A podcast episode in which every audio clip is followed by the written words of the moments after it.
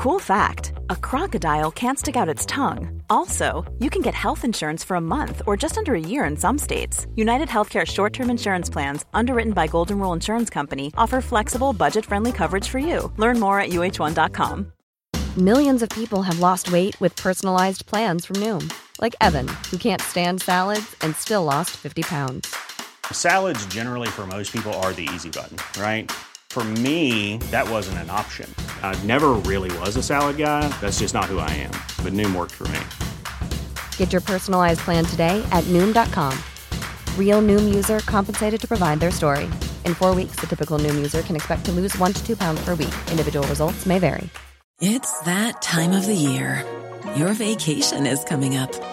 You can already hear the beach waves, feel the warm breeze, relax, and think about work. You really, really want it all to work out while you're away. Monday.com gives you and the team that peace of mind. When all work is on one platform and everyone's in sync, things just flow wherever you are. Tap the banner to go to Monday.com.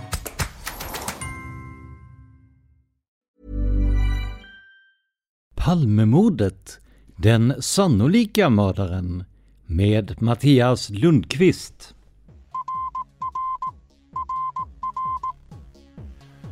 Sveriges statsminister Olof Palme är död. 90 000. Ja, det är mord på Sveavägen. Hörde de säger att det är Palme som är skjuten. Mordvapnet med säkerhet är en Smith Wesson, en revolver kaliber .357. Inte ett svar. Finns inte ett svar. För jag har inget. Och jag har inte varit Varför skulle jag Polisen söker en man i 35 till 40-årsåldern med mörkt hår och lång mörk rock. Välkomna till podden Palmemordet som idag görs av mig, Tobias Henriksson på PRS Media. Som vanligt innan vi drar igång vill jag påminna om att ni kan sponsra oss på patreon.com palmemordet. Alltså p-a-t-r-e-o-n.com palmemordet.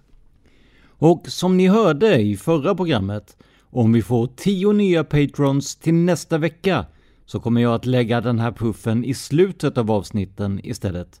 Så att ni har möjlighet att hoppa över det om ni vill. Det är er sponsring som gör att podden kan hålla en förhoppningsvis riktigt hög nivå med kända gäster, djupanalyser och intervjuer. Så om du vill stötta vårt arbete, gå in på just patreon.com palmemodet. Tack för ditt stöd!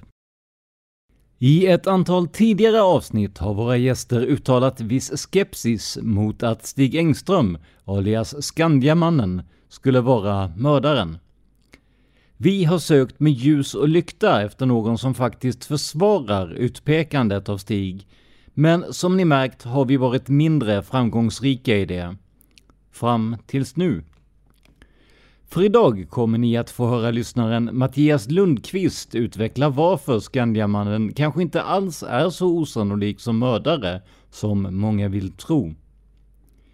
Vi kommer att titta på vad som talar både för och emot Stig som gärningsman och Mattias kommer också att presentera sin teori om hur det hela gick till.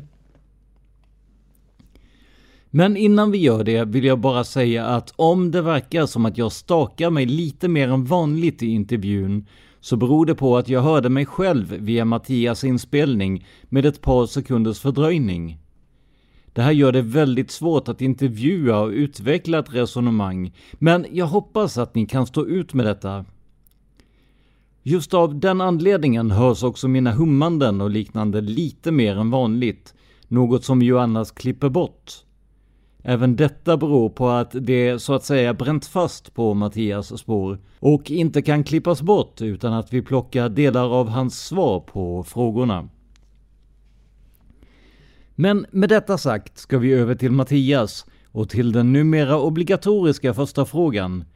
Hur började ditt intresse för ämnet Palmemordet?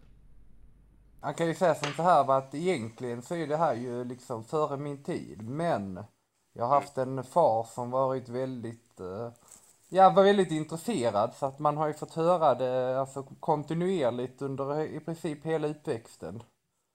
Mm. Så ja, och sen när jag började komma in i sådär 15-20 års åldern då började jag själv tycka att det var lite intressant. Jag började, kolla, började läsa lite smått och så. Och så att det fanns så många misstänkta och så många möjliga teorier. Det blev lite grann som ett mysterium. Mordgåta. Så att jag, jag kan väl säga att jag ärvde det intresset från min far helt enkelt. Om vi säger innan allt det här som hände med den osannolika mördaren och det, fanns det någon eh, teori som, som du liksom fastnade lite extra för? Eh, ja, det var ju det här med han eh, Christer Andersson. Just det. Ja, den, eh, den kände jag väl att jag fastnade lite extra för. Jag, jag, jag har aldrig trott på Christer Pettersson och det har inte min far heller för. Liksom det känns väldigt ologiskt. Han var ju liksom, han tillhörde ju liksom den, ja, den eh, befolkningsgruppen som Palme stödde i sin politik Precis. och så vidare. Så att det verkade väldigt konstigt. Mm. Man fann heller ja, väldigt, väldigt, motiven som presenterades var väldigt långsökta och krystade tyckte jag. Och så blev det ju, eh, ja det blev ju fällande först men friande i, i högre instans i alla fall ju. Ja, ja, och det tycker jag var, det var helt rätt. För läser man första förhören med Lisbeth Palme så finns det så verkar det inte som hon ser gärningsmannen speciellt tydligt. Så det där verkar vara någon, någon bild som väcks fram senare. Mm. Och därför går det heller inte att ta riktigt eh, på allvar. Som Nej. jag ser det.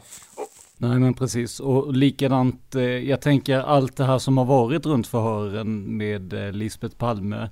Det har tagits en, en väldigt mycket hänsyn och, så lik, eh, och liknande. Det, det måste ju också påverka trovärdigheten tänker jag.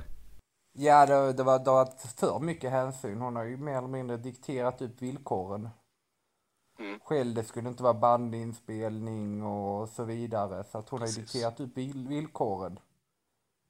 Och att eh, bara en sån sak som det här med Scania-mannen. Varför eh, de misstänkte honom där under vår, både våren och hösten 86.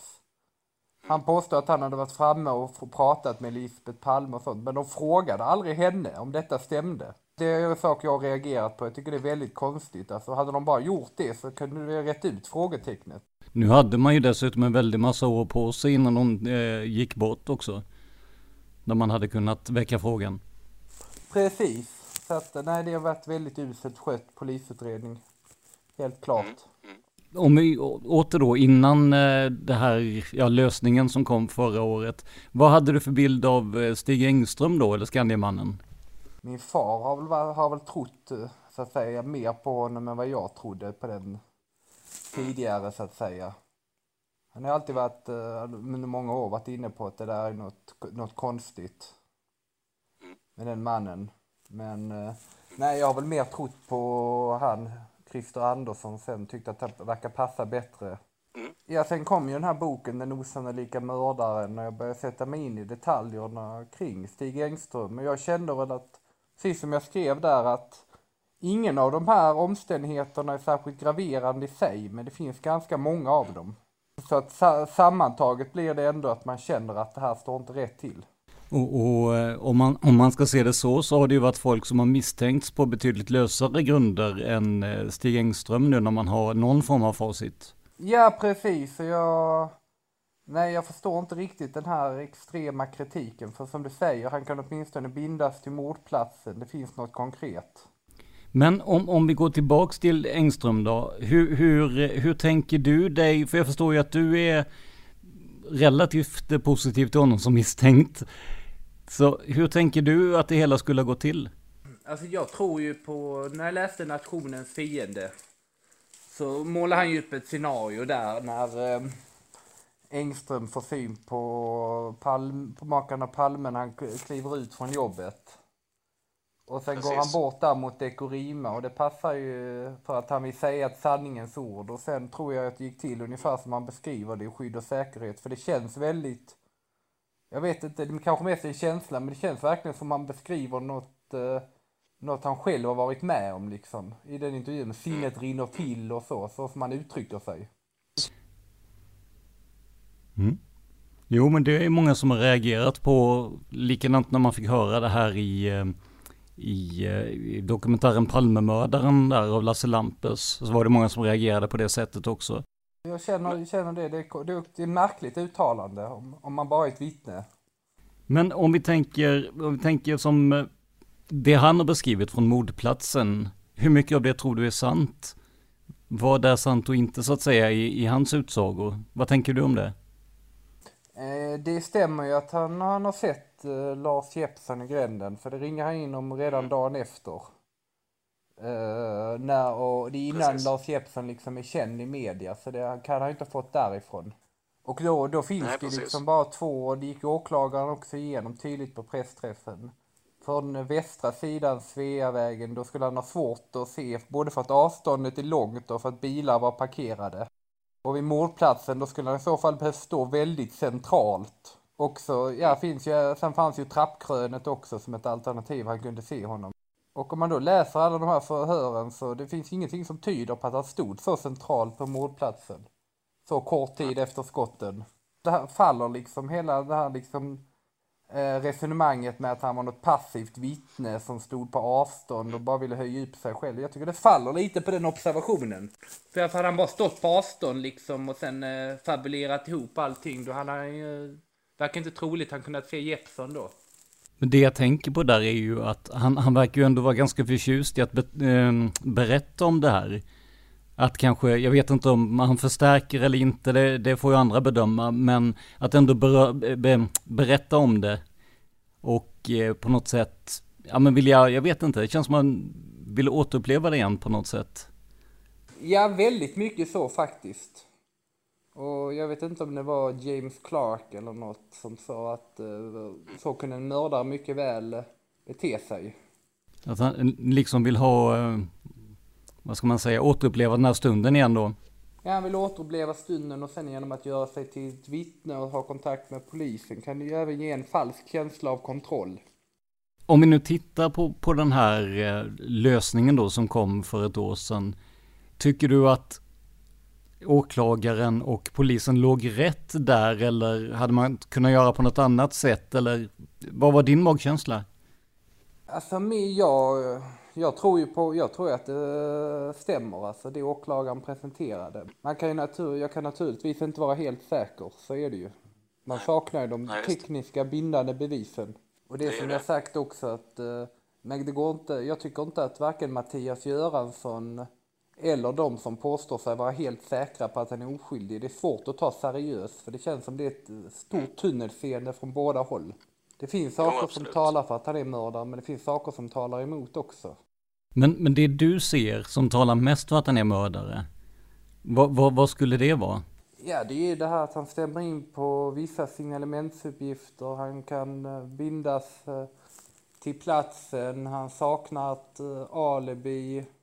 Han ogillade Palme och eh, ja, sin egen, sina egna lögner, alltså, om, eh, som jag menar lögner då, som, jag, som inte verkar stämma, som det här med förväxling, att han påstår att han blivit förväxlad med mördaren och språngmatchen, det får man höja på ögonbrynet.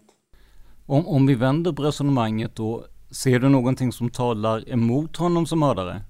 Absolut, det är ju det här med vapnet. Att en, liksom en tidigare ostraffad försäkringstjänsteman går omkring med ett skarpladdat vapen fyllt med, med delvis metallbrytande ammunition. Precis. Så det, det, verkar ju väldigt konstigt. Det talar ju emot. Alltså, det talar även emot att han eh, så vitt känt inte har begått några våldsbrott eller varit våldsam tidigare. Det är också en sak som jag tycker talar emot. Om man då ser till hela bilden så att säga så, så känner du att Stig Engström ändå är i, ja men en sannolik mördare då helt enkelt? Ja, jag tycker det finns mer som talar för än som talar emot. När den, den här teorin kom ut och när den sen presenterades som en form av lösning så fick ju polisen och åklagaren väldigt hård kritik för att man tyckte att det var på ganska lösa grunder och sen också det här med att man pekade ut en, en avliden person med namn och så vidare. Eh, har de fått oförtjänt mycket kritik? Tycker du? Jag kan ju, jag kanske kan låta lite cynisk där va, men eftersom jag är helt övertygad om att han åtminstone ljuger om sina insatser och liksom att ljuga i en brottsutredning, ljuga och överdriva i en brottsutredning som rör statsministern. För att i så fall höja upp sig själv det är ju, jag tycker det är ett ganska förkastligt beteende. Och därför, Absolut. där har han faktiskt lite sig själv att skylla. Om han beter sig på det sättet. Men med tanke då på att han, eh, vad ska vi säga, återupptäcktes så sent i, i handlingarna här. Eh, var det inte det perfekta sättet att dölja det om han nu var en mördare? Att faktiskt eh, vara ganska publik? För det, det, i 30 års tid funkade det uppenbarligen. Jo, absolut. Det var ju, det var ju smart alltså. För, eh, som jag ser det mm, så, det här, till exempel det här med språngmatchen, det är ju en direkt spegling av mördarens beteende. Springa in i gränden. Problemet är bara att just vitt jag vet så är det inget vittne som säger att de har sett två personer springa in i gränden. Precis, och jag, den här språngmatchen, jag har även svårt att liksom förstå varför han skulle hitta på den om han inte verkligen har sprungit den, den eh, sträckan. Det är nästan ett av de jag har svårast att släppa liksom. Och så det här liksom, jag förväxlades med mördaren. Det känns som om, jag får liksom förekomma, att ha en förklaring. Och ifall folk har sett honom. Det känns som att han har en förklaring innan han ens blir tillfrågad om den om man säger så. Ja, det känns som att han har tänkt ut en förklaring redan innan polisen hinner hunnit fråga, eller han har hunnit fråga. Det känns ganska utstuderat. Men i det här då, utifrån det scenariot du beskriver, tänker du att han har eh, agerat ensam då, eller eh, att han har haft hjälp på något sätt? Det låter ju som att, eh, från vad du sa innan, att du kanske ser honom mer som en ensam gärningsman. Alltså det, den biten är faktiskt ganska svår. Det finns ju uppgifter om sådana walkie-talkies och så vidare. Och hade han då varit någon sorts medhjälpare eller varit, varit alltså lady i en konspiration det skulle ju förklara mycket liksom hur han, varför han hade det här skarpladdade vapnet på sig och så vidare. Samtidigt så skulle man välja en ostraffad eh, försäkringstjänsteman, ja det kanske man skulle. Alltså jag, jag umgås ju inte typ i konspirationer som är mördarpolitiker så det är svårt för mig att avgöra. Tack och lov för det skulle jag vilja säga. Tack och lov för det. Ja, jag har ingen, jag har svårt ha, jag har ingen riktigt uppfattning om det, om han agerar själv eller om han hade hjälp av andra. Men det är ju som du säger, det här med vapenfrågan är ju väldigt intressant. Eh, om, om man antingen hade med sig en revolver för, för skydd rent allmänt då, eller om man på något sätt lyckats få tag i det under kvällens gång. Det där, jag har, jag har lite svårt med det där alltså. Ja, jag har också svårt med den biten. Det är ju en, eh, det är ju det som talar mest emot spåret. Ja, så jag håller helt med om det, att det, det, den är problematisk och det Visst, det finns möjligheter, men de blir väldigt spekulativa. Jag vet inte, jag har ju hört resonemang om, om, om att han, eh, ja men var lite så här små paranoid eller vad man ska säga, eller lite räddhågsen och kanske ännu mer så när han hade druckit lite och ville försvara sig rent allmänt. I så fall skulle det förklara om man nu hade ett vapen med sig. Men som du säger, det blir ju spekulationer. Ja, men det är väl den, i så fall den troligaste förklaringen. Jag vet vissa har varit inne på det här med grannscenariot och så också, men jag har lite svårt att köpa det. För det skulle kräva liksom i så fall att en man som inte tidigare är, dömd för något våldsbrott, han skulle vara så förblindad av hat att han i flera timmar går och eldar upp sig själv och sen inte lyckas stoppa sig själv i tid. och liksom sticker till Grand och sen tillbaka bakvägen, nej det blir väldigt rörigt. Och jag tänker att under den tiden så fanns det ju ett, eh, om inte hat så i alla fall en skar, eh, skarp eh, skepsis mot Palme. Så frågan är ju också, idag kanske han ses som Palmehatande närmast nog, men frågan är ju hur man såg på honom på den tiden. Om man hade så att säga den kapaciteten. Nej, alltså att han ogillade Palme, det tycker jag väl är ganska välbelagt med genom Absolut men... Liksom förhör med exfrun som säger att uh, han skulle gärna stått på avstånd och tittat på. Han hade ju definitivt ingenting emot det och så vidare.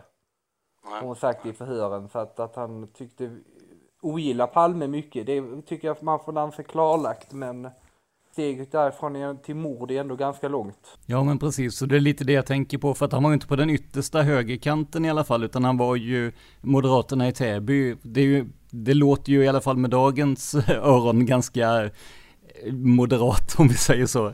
Jo, jo, det är sant och det är därför det är därför jag har liksom lättare att tänka mig att det bara uh, han har druckit lite och så kommer han ut där på gatan och sen snäser Palme av honom och det bara slår fullständigt slint. Liksom, jo, han, han hinner inte behärska sig. För i sånt läge då behövs ju inte ett lika starkt motiv kan jag väl känna. Det är det scenariot jag har lättast att köpa. Och det är väl det också åklagaren verkar varit inne på. Han, för han tog ju inte upp det här med Grand överhuvudtaget. Men hur, hur stor vikt lägger du vid de som säger att han, att han var för feg för det här och så vidare? Hans eh, exfru sa väl det till exempel, vill jag minnas. Alltså går det att säga om en annan person om, man, om han eh, kan begå ett mord eller inte? Nej, alltså just den biten så lägger jag faktiskt ingen direkt vikt vid. För jag tänker i princip alla mördare. Jag har aldrig hört de anhöriga säga att ja, det kunde jag mycket väl tänka mig. Utan det, beror- de anhöriga reagerar i princip alltid med chock och säger att han kunde inte göra en fluga för när och han var för, för snäll och feg och så vidare.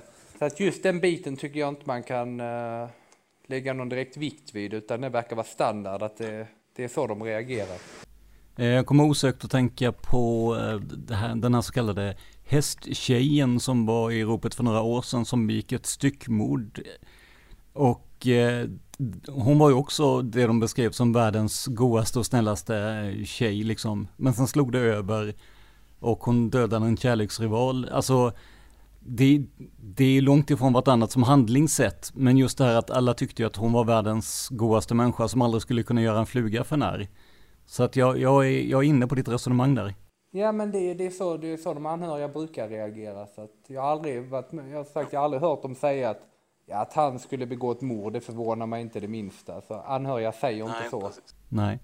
Det var väl möjligen det som talade emot eh, Christer Pettersson en gång i tiden att han, eh, där var det väl förmodligen folk som sa att han, han kunde vara ganska våldsam. Jo, jo, där, det, det har du en poäng i visserligen. Alltså det var ju inte mycket alls som talade emot honom om man sätter sig in i det. Det har ju till och med gjorts program på Uppdrag granskning där att eh, vi, de här knarkarna blev manipulerade till att peka ut honom med löfte om belöning och så vidare. Men om, om vi nu räknar med Stig Engström som mördare, eh, vilket, eh, vilket hållet eh, tog han tillbaka? Hur kunde han eh, undgå upp och liksom väcka uppmärksamhet bland väktare, bland eh, ja, men folk i allmänhet? Hur tänker du den, den delen efter själva mordhändelsen? Ja, det, det blir också väldigt spekulativt. Men jag, jag köper ju mest det som eh, Lars Larsson eh, faktiskt eh, resonerar om i sin bok Nationens fiende. Jag vet inte om du har läst den. Att han, eh, att han går, går tillbaka där efter sprunget upp ett år, sen går han tillbaka andra hållet ner för att eh, han tänker ja, erkänna. Han har gjort brottet i stundens hetta och han tänker han kommer aldrig komma undan och det är lika bra att gå tillbaka och erkänna. Förmodligen är han chockad över vad han själv har gjort. Det visar vad jag ju, med tanke på hur han var hos väktarna. Alltså, men sen när han kom, går han tillbaka dit alltså, och så är det ingen som lägger märke till honom. Det är ju ungefär det han resonerade om. Och eftersom ingen lägger märke till honom så går han in på Scania och funderar vidare hur han ska göra. Det tycker jag verkar som det mest troliga, för annars så blir det också lite obegripligt varför han återvänder. Det, det som jag ser som en svaghet i hans resonemang eller honom som eh, gärningsman då, men som senare visar sig ha varit ganska lyckat. Det var ju det här att han eh, började själv jaga efter eh, utpasseringstider och liknande. Att han engagerade sig så väldigt mycket. Jag tänker att hade man varit skyldig så hade väl det lättaste varit att låta polisen sköta det där och hålla sig i bakgrunden. Uh, han, han valde ju så att säga en offensiv strategi. Kan man ju lugnt säga om han var mördaren. Direkt gå ut i tidningarna och så va. Men det var ju, jag tror det handlar om helt enkelt om att eh, förekomma istället för att förekommas. Ja och det här med utstämplingstiden som jag har förstått. Eh, han sa väl hela tiden att han hade stämplat ut att den verkliga tiden var 23.19. Om jag kommer ihåg rätt. Och eh, den ville ju Stig Engström själv liksom senare ändra först till 23.20 och sen till 23.21. Men vi, visst, alltså det kan ju bara helt enkelt bara vara att han minns eh, fel. Men det är ytterligare en sån märklig grej. Som jag tycker blir liksom, det blir mer logiskt om han är gärningsman. Millions of people have lost weight with personalized plans from Noom, like Evan, who can't stand salads and still lost 50 pounds. Salads, generally, for most people, are the easy button, right? For me, that wasn't an option. I never really was a salad guy. That's just not who I am. But Noom worked for me. Get your personalized plan today at Noom.com. Real Noom user compensated to provide their story. In four weeks, the typical Noom user can expect to lose one to two pounds per week. Individual results may vary. Here's a cool fact a crocodile can't stick out its tongue. Another cool fact you can get short term health insurance for a month or just under a year in some states. United Healthcare short term insurance plans are designed for people who are between jobs, coming off their parents' plan, or turning a side hustle into a full time gig. Underwritten by Golden Rule Insurance Company, they offer flexible, budget friendly coverage with access to a nationwide network of doctors and hospitals. Get more cool facts about United Healthcare short term plans at uh1.com. This is Paige, the co-host of Giggly Squad, and I want to tell you about a company that I've been loving, Olive and June. Olive and June gives you everything that you need for a salon quality manicure in one box. And if you break it down, it really comes out to $2 a manicure, which is absolutely insane. It's also so easy to get salon worthy nails at home with Olive and June. The difference between how your nails used to look when you did them yourself and now with the Manny system is a complete game changer. The best thing about Olive and June too is it's a quick dry. Dries in about one minute, lasts for five days, and full coverage in up to one to two coats. Visit oliveandjune.com slash perfectmani20 for 20% off your first system. That's oliveandjune.com slash perfectmani20 for 20% off your first system.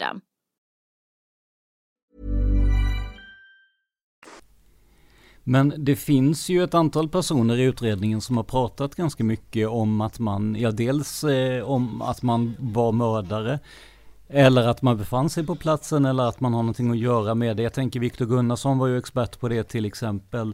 Va, vad är det som gör att man kan eh, tro mer på Stig Engström än, än andra personer som har pratat om sin eventuella inblandning?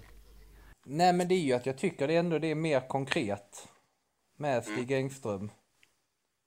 Eh, Viktor Gunnarsson, men man vet han var i närheten. Nej, jag, jag har aldrig riktigt trott på honom heller som gärningsman. Nu för tiden så tänker du... jag att det är Stig Engström Förlåt. eller någon helt okänd. Du leker med tanken att, att han inte ens finns med i, eh, i materialet om det inte är Stig Engström då alltså? Ja, det är det jag tänker. För jag känner liksom inget av de andra. Jo, Christer Andersson tidigare, men uh, mm. ja, det går ju inte heller att koppla direkt.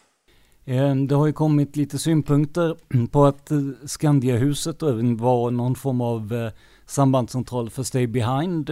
Har du funderat om det finns någon, finns det någonting att gå på där helt enkelt? Ja, något samband där, precis. Alltså det är ju tanke på alla walkie-talkie observationer och sånt. Det tyder ju ändå på någonting om Stay Behind kan ha haft någon övning och att då Stig Engström skulle varit uh, lejd skytt och så. Men det, ja, det är ju väldigt spekulativt. Men det är ju inte, det är inte omöjligt. Och Stig Engströms eh, version eller honom som mördare försvagas väl i det närmaste om det skulle vara en, visa sig vara en större konspiration. Ju fler walkie-talkies du ser desto mindre troligt är det att en ensam gärningsman hade gjort det tänker jag. Det är sant, det är sant. Ja, nej men det, jag tror till och med eh, kom inte utredarna till och med fram till att det var några män som av... Eh, som så att säga mm, bevakade Palme. Jag har för mig det. Det jag har tänkt, och det är ju det att eh, hela tiden att jag tycker... Som, jag, som jag vet så var ju Palme i princip alltid obevakad. Han hade väldigt sällan livvakterna med sig. Och jag tänker det borde, en stor konspiration, det borde ju varit så mycket bättre att bara liksom ta sig in hos honom på natten med en ljuddämpare och sätta en kula i skallen liksom. Men mitt på Sveavägen inför över, över 20 vittnen, det, det känns lite sånt vansinne står det över det. Jo, men det, det är ju det som talar emot en konspiration verkligen. Det är ju det och då, som jag har funderat över lite ibland, hade, kan ju varit att fanns det, det fanns ju många som hade motiv att mörda Palme. Han var ogillad från många håll. Kan det ha varit så att uh, det var en annan konspiration som liksom, ja, mer eller mindre planerade att mörda han, men så sprang den ensamma galningen fram och gjorde det istället, liksom, han före. Det är en tanke ja, jag har haft ibland. Det skulle också förklara allt. Alltså det, det där är ju ganska spännande oavsett om Oavsett om det var knarkspanare ute eller om det var någon som skulle bevaka Palme eller faktiskt likvidera Palme så, så är det en ganska spännande tanke att det var någon som faktiskt hann före dem i, i sitt ärende. Ja, det är det jag har tänkt liksom. För eh, det, man kan inte bara bortse från uh, det här med konspirationen och walkie-talkies. Men man kan heller inte bortse från att uh, hur mordet genomfördes tyder på, tyder på en ensam galning. Det, det, man skulle kunna invända i så fall det är ju att eh, det är ganska osannolikt att detta skulle hända på en och samma kväll. Fast å andra sidan var ju där en kväll när Palme var ute så att säga utan livvakter. Man har möjlighet att veta var han var när han satt på bion. Ja, osannolikt, osannolikt. Jo, men det, du har ju en poäng i det, helt klart. Alltså det, det finns ju så att säga två sidor av det. Dels att han, han kan vara lättare att övervaka i och med att han befann sig på bion i två timmar. Men också att det skulle vara relativt eh, statistiskt osannolikt i alla fall då att, eh, att två stycken skulle vilja ha ihjäl honom på samma kväll. Det är sant, men jag tror ju då inte att konspirationen hade tänkt ha ihjäl honom den kvällen, utan de kartlade nog hans okay. vanor i så fall. Kartlade nog hans vanor för att, och sen, ja, bestäm, för sen bestämma sig var och när de skulle slå till. Det är min tanke i så fall. Men just det här att så många har kritiserat eh, Stig Engström som möjlig gärningsman, kan det också bero på att han kanske ses som lite vanligare eller tråkigare än den här stora konspirationen som många har byggt upp? Du vet en, en ensam gärningsman med bakgrund i Täby kanske inte lika spännande som eh, Stay Behind eller utländska underrättelseagenter och så vidare. Jo men naturligtvis är det så. Sen får man komma ihåg att har du ägnat alltså många år av ditt liv åt att undersöka en teori, alltså riktigt grottat ner dig i det. Och sen får du liksom en käftsmäll som, som bara säger att uh, man troligtvis har haft totalt fel hela tiden och att sanningen, lösningen kanske är, är trots allt är ganska banal. Jag tror det är svårt att ta till sig liksom och tänka om i ett sånt läge. Ja, ja men absolut. Och jag tänker att vissa personer har ju det här som sin eh, livsluft närmast. Eh, och, och då blir, om det sen visar sig att allt det här som har hänt då mynnade ut i att det var en ganska vanlig grå person som, eh, som sköt landets statsminister och att det inte var någon stor konspiration. Jag tänker att stora delar av deras fritid eller kanske liv får ju en alltså mycket mindre mening så att säga. Jo, det är klart och då, då vill, det vill man nog inte gärna inte acceptera. Det blir nog svårt. Alltså hur, hur engagerad är du själv i det här? Är du också en av, en av dem som känner att det skulle bli väldigt tomt om, eh, om vi faktiskt fick en, en slutgiltig lösning på det här då? Eller är du lite mer, vad ska vi säga, hobbyinriktad på Palmemordet? Jag är nog eh, lite mer eh, hobbyinriktad. Visst, jag har ju läst några böcker och så va, men det är ju, det är väl min far som är verkligt, eller allra mest engagerad i det. Ja, och sen är jag ju inne på Flashback och även den här Palmegruppen och diskuterar lite. Och jag, jag, har ju läst, jag har ju läst de viktigaste förhören och så, men nej, jag, jag kan inte säga att jag viger hela mitt liv åt det. Den är som, det är ett intresse. Hur, hur har det intresset påverkats nu av det som hände för, för ett år sedan när vi fick en, en, en möjlig lösning? Nej, så... Ja, den har väl... Eh, det har nog minskat lite, det har det nog. Så jag, jag känner liksom det att jag är ganska övertygad, eller tämligen övertygad om att det, vi har rätt lösning. Det är klart, lite av spänningen försvann ju. Men det är klart att eh, skulle man få ett definitivt eh, svar då skulle klart hela spänningen försvinna. Nu lever den ändå kvar.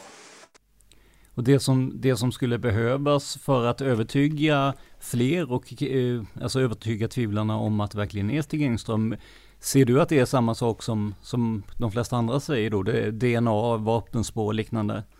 Alltså faktiskt så, jag tror inte det hade spelat någon roll alltså vilka bevis man än hade legat fram, lagt fram. Jag tror det hade funnits uh, tvivlare ändå faktiskt. Som inte kan, uh, just Absolut. som du säger, att livet hade blivit för tomt om uh, mordet var löst. Så att de, mm. det hade nog funnits tvivlare som hade vägrat acceptera det till vilket pris som helst. Hade man hittat DNA eller vapnet hos Engström, ja det hade säkert funnits tvivlare som sagt att ja men den verkliga konspirationen har planterat vapnet och ja. Men det är klart, det hade ju säkerligen varit fler som hade accepterat det än vad det är idag.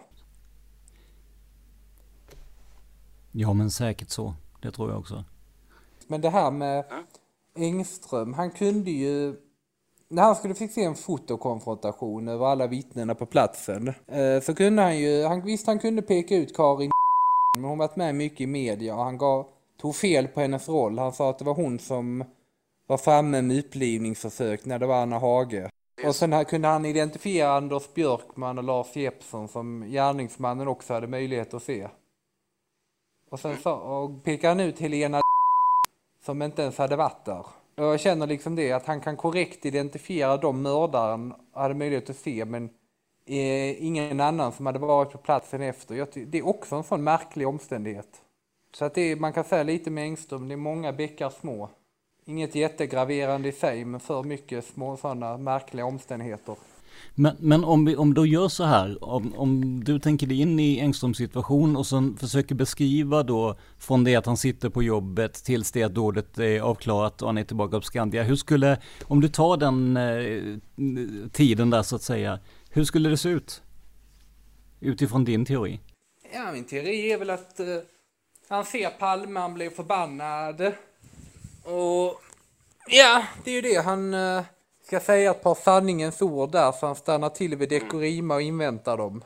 Och sen eh, så när han tilltalar Palme så blir han dessutom asnäst och vänd ryggen åt. Och då känner han klart raseriet. Ja, väldigt uppe i honom att den jävla landsförrädaren, han har dessutom mage att vända mig ryggen när jag pratar med honom. Något i den stilen skulle jag gissa på att han kände. Och att han kommer ut vid just den här tiden då, skulle, det, det är en ren slump när han ändå skulle gå ut så att säga? Ja, det verkar väl eh, troligast om det nu inte är andra inblandade, vilket man ju inte vet. Just det. Men som eh, det inte finns några belägg för heller. Och det är ju det, det fin finns ju väldigt lite belägg för saker och ting efter så lång tids utredning om man ska vara helt ärlig. Oavsett vilket teori man tror på. Ja, det är ju det alltså. Det är, det är få saker man vet helt säkert. Väldigt få saker man vet helt säkert.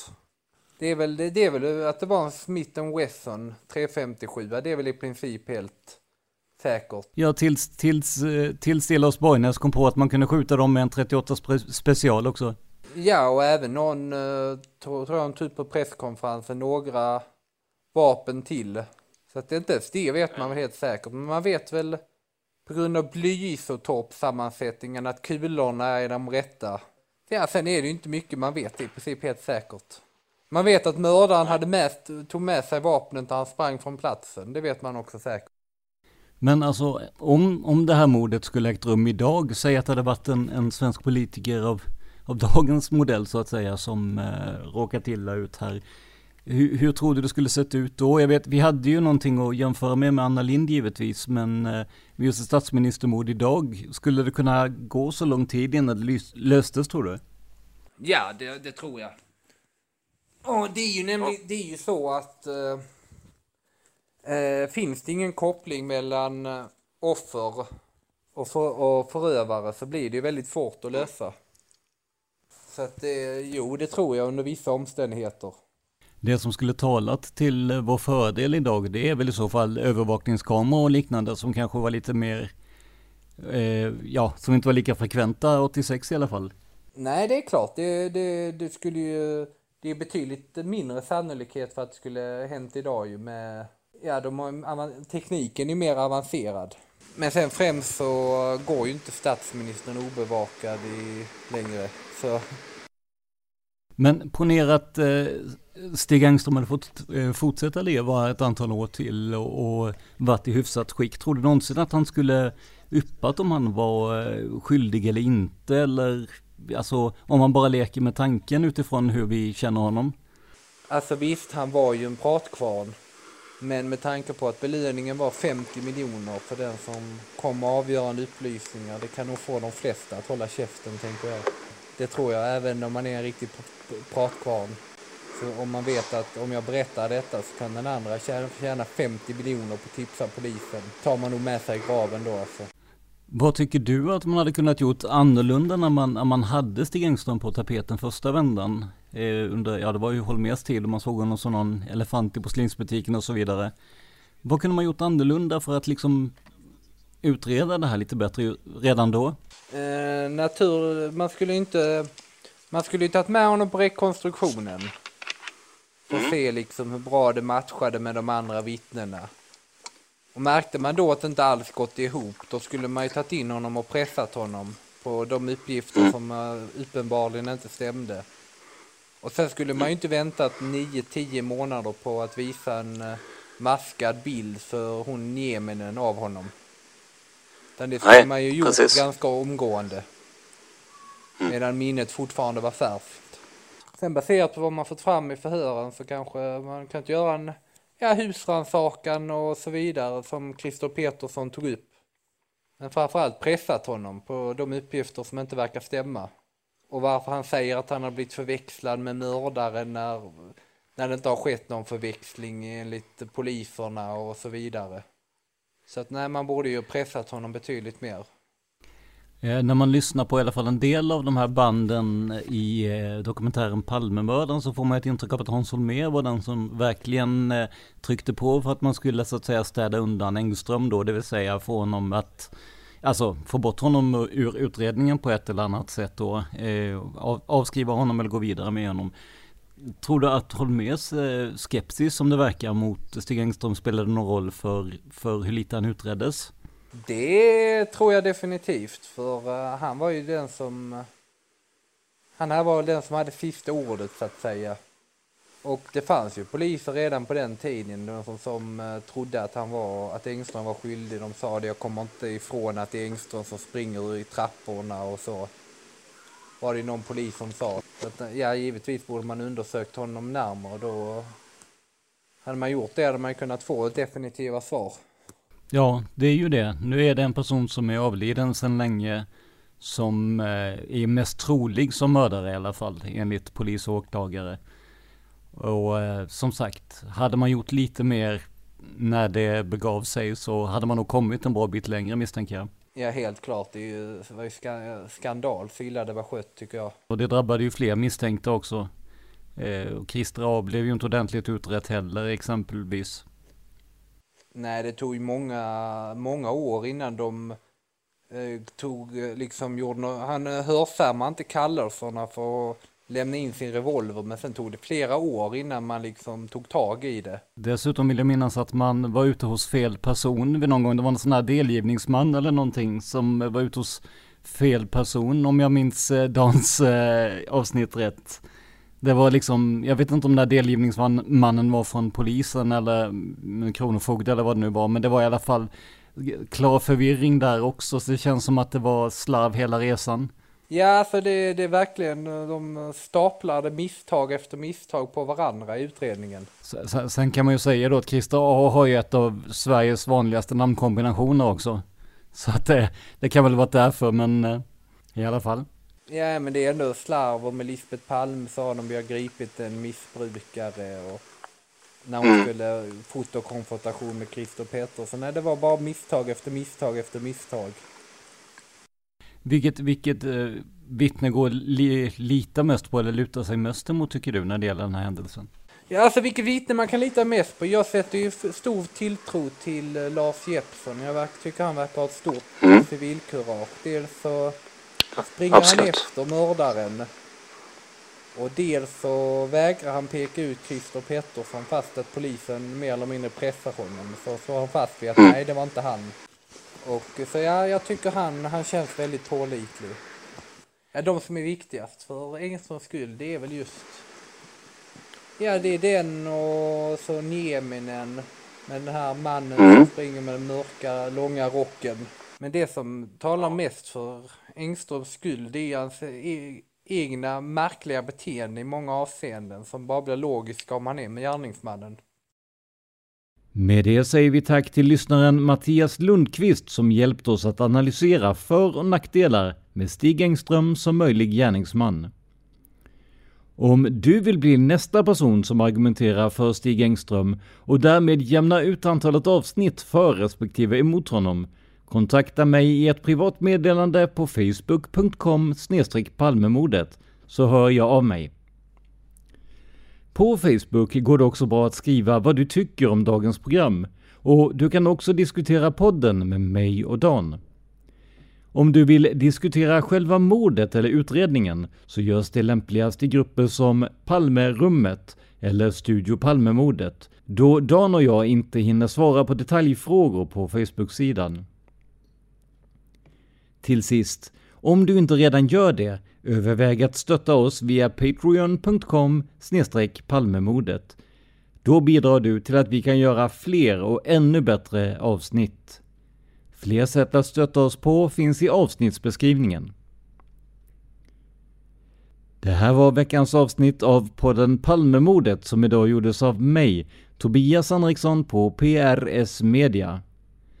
För mer information om mig och mina projekt besök facebook.com prsmedia.se eller gilla oss på Instagram där vi heter prsmedia, Ett ord, små bokstäver.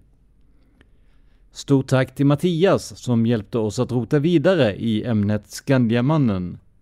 Men framförallt, stort tack för att du lyssnar på podden Palmemordet. Man hittar Palmes mördare om man följer PKK-spåret till botten. Därför att ända sedan Julius Caesars tid har jag aldrig hört talas om ett mord på en framstående politiker som inte haft politiska skäl. Polisens och åklagarens teori var att han ensam hade skjutit Olof Palme. Och det ledde också till rättegång. Men han frikändes i hovrätten.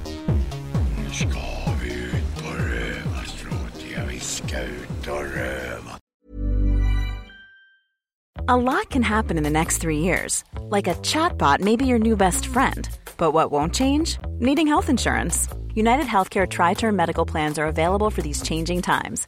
Underwritten by Golden Rule Insurance Company, they offer budget friendly, flexible coverage for people who are in between jobs or missed open enrollment. The plans last nearly three years in some states, with access to a nationwide network of doctors and hospitals. So, for whatever tomorrow brings, United Healthcare Tri Term Medical Plans may be for you. Learn more at uh1.com. Hey, it's Danny Pellegrino from Everything Iconic.